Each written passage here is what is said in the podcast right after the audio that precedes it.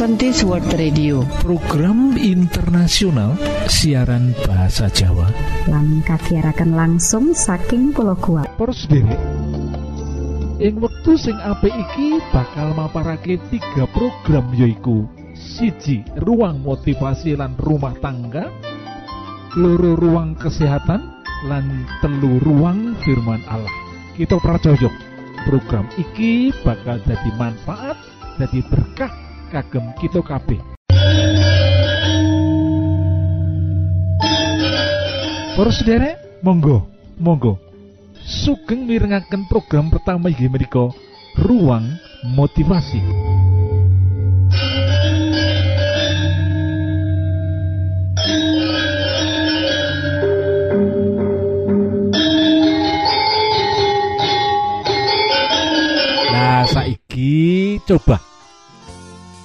Kita akan membahas, memaparkan penjelasan mengapa sekali lagi sing elek-elek kok nempel sing ape-ape ora. Alasannya kenapa?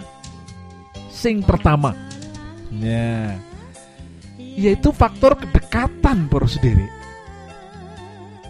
Apa maksudnya faktor kedekatan iki? Yang kita memiliki kedekatan dengan orang tua yang memiliki sifat yang buruk apakah itu ayah atau ibu? Sifat buruk seperti pemarah. Sifat buruk seperti pemabuk. Sifat buruk seperti tukang pukul atau pemukul. Atau orang tua yang tukang kawin atau tukang cerai. Lah maka kedekatan itu membuat kita cenderung. Sekali lagi cenderung loh ora otomatis nanging cenderung lebih menerima dirinya apa adanya termasuk kelemahannya. Nah ini faktor kedekatan dengan orang yang memiliki sifat buruk diri. Nah tidak bisa tidak kita pun akan lebih terbuka menerima hal-hal yang buruk itu karena kita dekat dengan orang yang memiliki sifat buruk dan kita menerima apa adanya, bukan protes. Dan bukan hanya menerima yang buruk, malah mengintegrasikannya menjadi bagian dari diri kita. Ini bahayanya loh, bahaya banget loh. Contohnya loh, contohnya loh. Yang seorang anak laki-laki dekat karo bapak E yang kebetulan mempunyai kelemahan dalam hal wanita, maka besar kemungkinan loh. Sakwise anak ini bertumbuh menjadi besar bukan saja lebih menoleransi perbuatan sang ayah, dia juga akan menerima. Iya, bukan hanya menoleransi, ia pun memiliki potensi melakukan perbuatan yang sama. Sekalipun ia tahu betapa menderita ibunya dikianati oleh sang ayah. Ini bahaya sekali loh dalam kehidupan karena memang orang tua itu adalah patron yang dilihat oleh anak. Kalau orang tua tidak melakukan yang benar tetapi menanamkan perilaku yang salah, dan hidup dekat dengan anak perilaku sekalipun itu dibenci sering kali pada waktu dia bertumbuh dewasa. Anak menjadi menoleransi dan bukan hanya menoleransi malah mengintegrasikan menjadikan itu bagian dari dirinya. Nah, sebenarnya lo perlu sendiri itu bukan hanya hal yang buruk. Begitu pula dengan hal yang positif Mungkin kita dekat dengan orang tua kita yang mempunyai hal yang baik dari dirinya, maka makin besar kemungkinan kita juga akan menyerap hal-hal yang baik. Jadi kalau orang tua kita itu memiliki hal-hal yang baik dan kita dekat dengannya, maka kita pun akan menyerap. Lah sebaliknya, mungkin jauh hubungan kita dengan orang tua yang memiliki hal-hal baik itu kita tidak tinggal sama-sama. Orang tua tinggal di tempat yang jauh. kalau kita jauh dari orang tua yang memiliki sifat-sifat baik, maka sedikit kemungkinan sifat yang baik darinya itu menempel pada diri kita. Itu prinsipnya. Sebagai contoh loh, contoh nih loh. Yang orang tua kita adalah orang yang pemurah dan kita dekat dengannya. Dekat loh. Besar kemungkinan kita akan mewarisi sifat pemurah iki. Sebaliknya jika orang tua kita itu tidak dekat dengan kita, tinggal di tempat yang jauh ataupun hubungannya dengan kita tidak dekat, kemungkinan sifat pemurah itu tidak melekat pada diri kita. Jadi bukan hanya negatif tapi positif.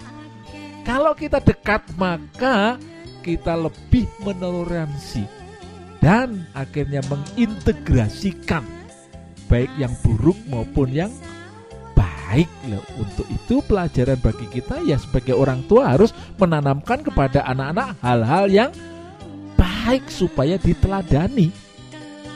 Gusti berkahi.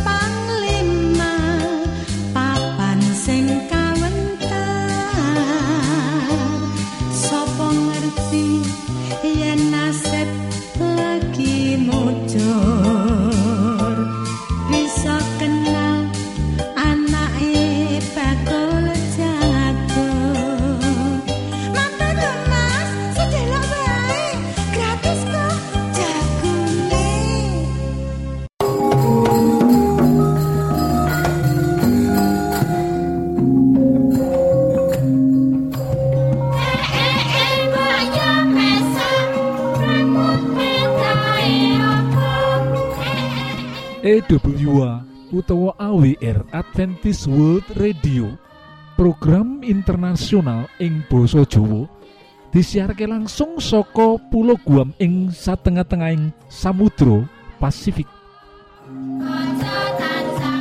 Poros derek Monggo Monggo sugeng mirengaken program kedua menika ruang kesehatan. Salam sehat Gusti berkahi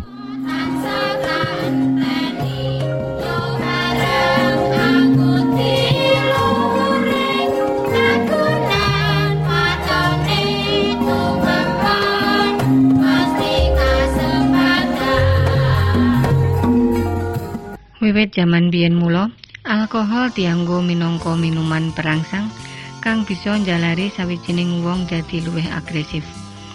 Umpamane disuguhake ing pesta para raja-raja. Kang dadekake pesta iku luwih katon sumringah lan semarak.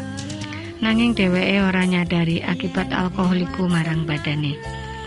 Keri-keri iki selaras kemajuan zaman lan saka teknologi maju kang canggih wis bisa dibuktekake yen alkohol iku sejatine bahan minuman kang bisa ngracuni badane manungsa kanthi alon-alon.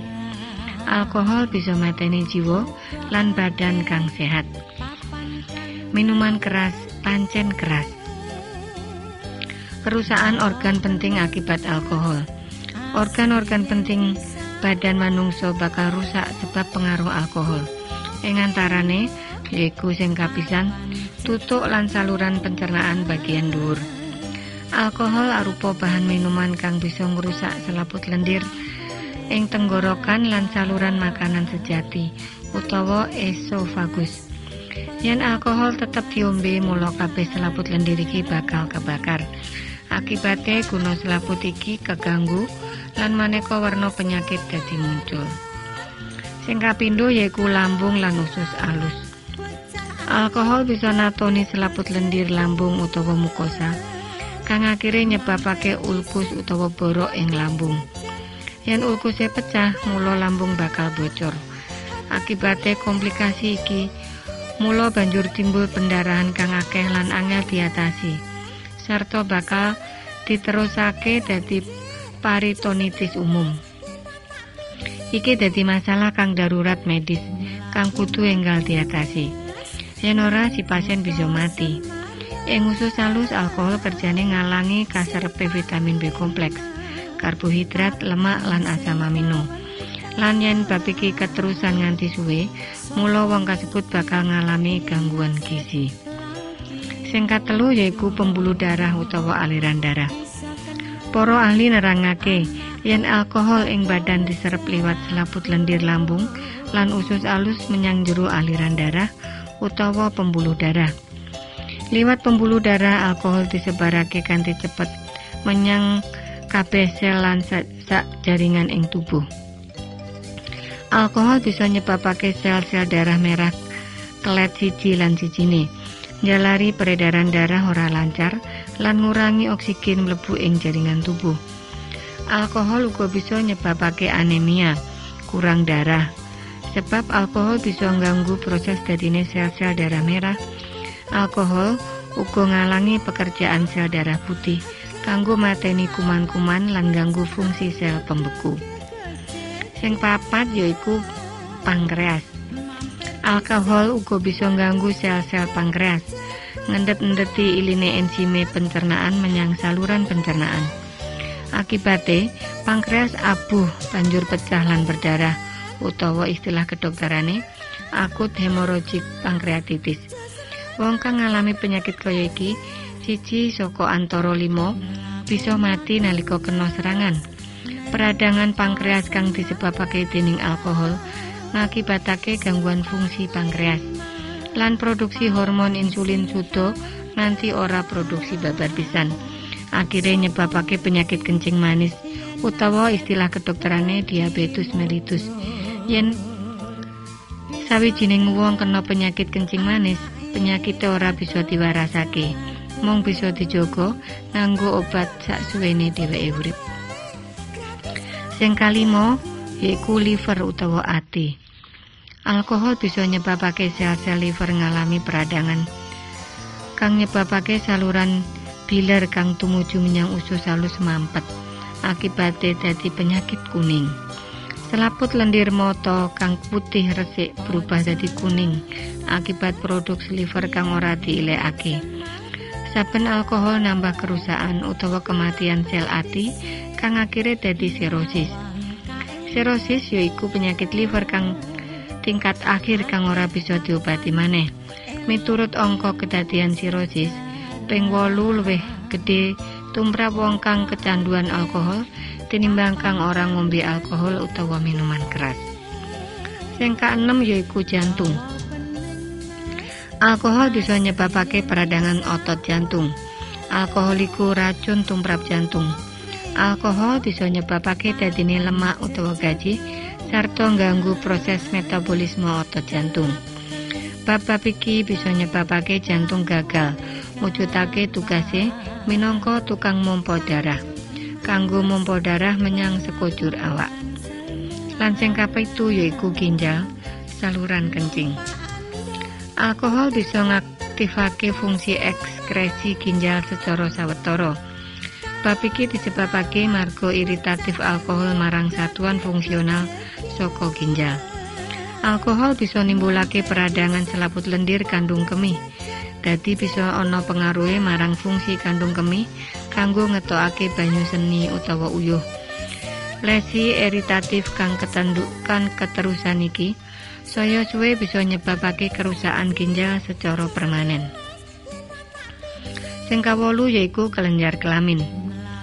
Dene alkohol iku bisa uga nyebabake abuhe prostat, dibarengi gangguan kesanggupan seksual marang pria.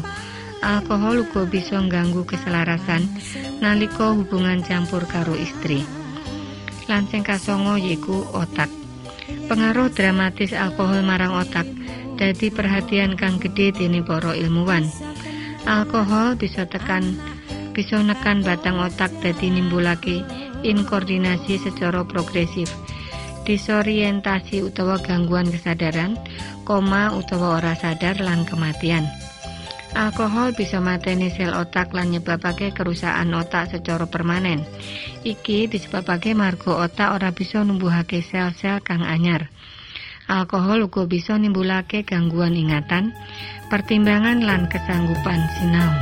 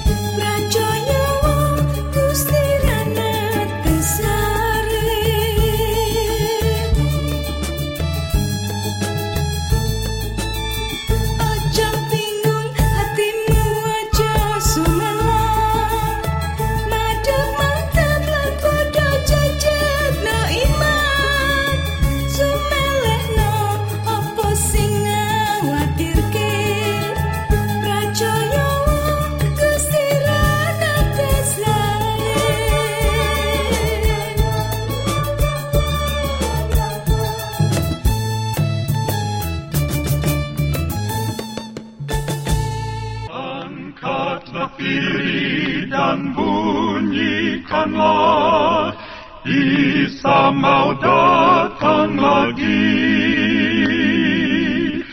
Nyanyi musafir dan pujikanlah.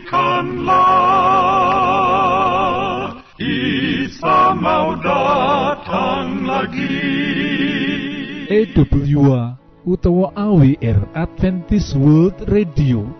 Program internasional ing Boso Jowo disiarke langsung soko pulau Guam ing satengah-tengahing Samudro Pasifik Para sederek ing wektu sing apik iki monggo kita siapkan hati kita kangge mirengaken firman Allah Datang lagi, datang lagi, Isa mau datang lagi.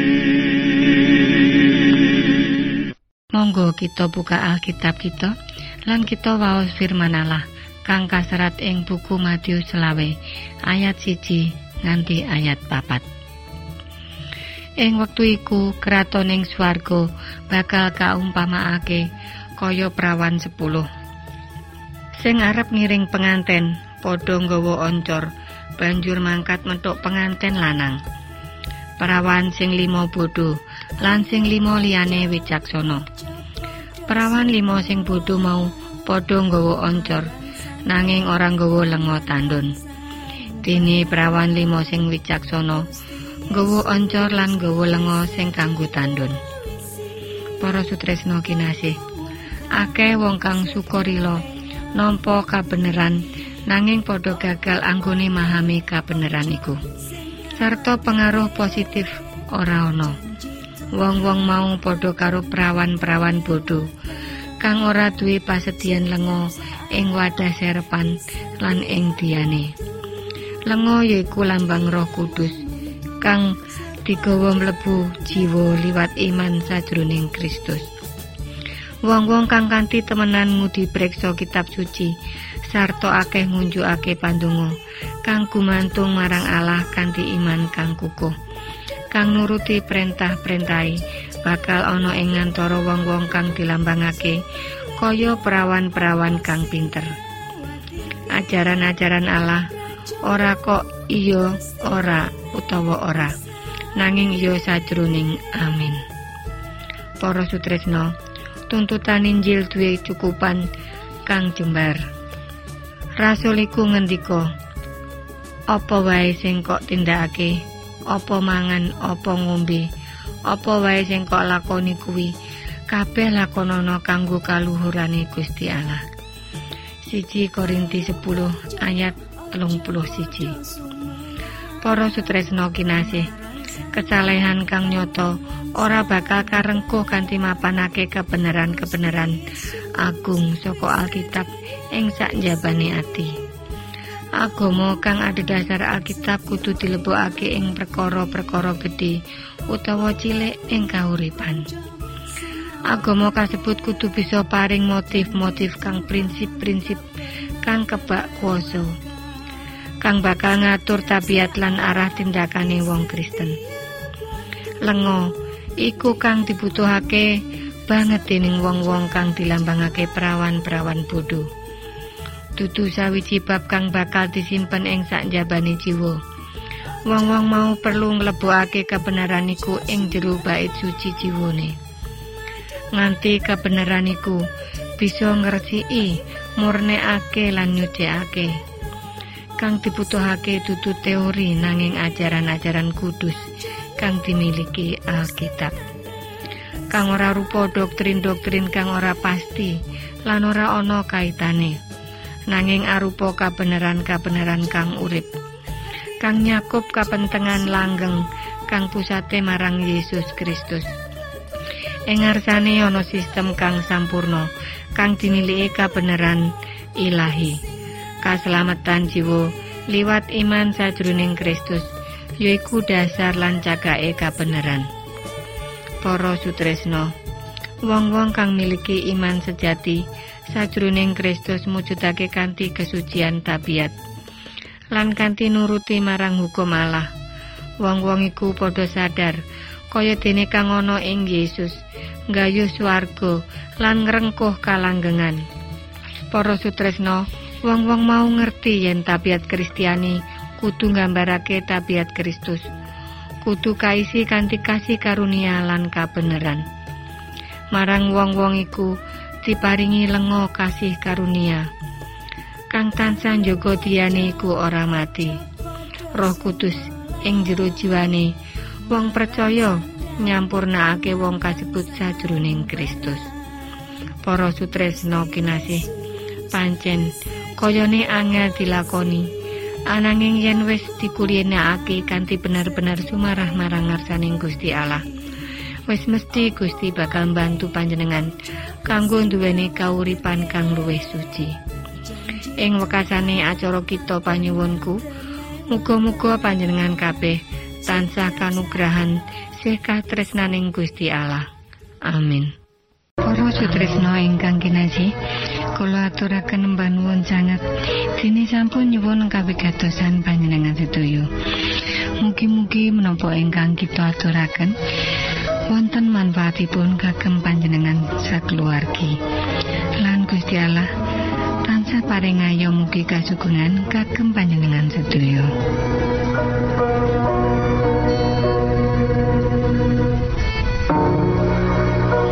Kita ingkang tugas jagi wonten studio nyuwun pamit badhe mundur. Pilih wonten pitaken-pitaken utawi unjuking atur masukan-masukan lan menawi panjenengan gadah kepengingan ingkang lebet badhe sinau bab pangantikaning Gusti. Lumantar kursus Alkitab tertulis monggo. 3 Advent Suara Pengharapan PO Box 80 Jakarta setunggal kali wolu setunggal 0 Indonesia panjenengan saged mlebet jejaring sosial kawulo inggih menika Facebook pendengar radio Advent suara pengharapan utawi radio Advent suara pengharapan Saran-saran pitaken ugi tanggapan panjenengan tansah kawula tenggo. Lan saking studio kula ngaturaken bumi panuwun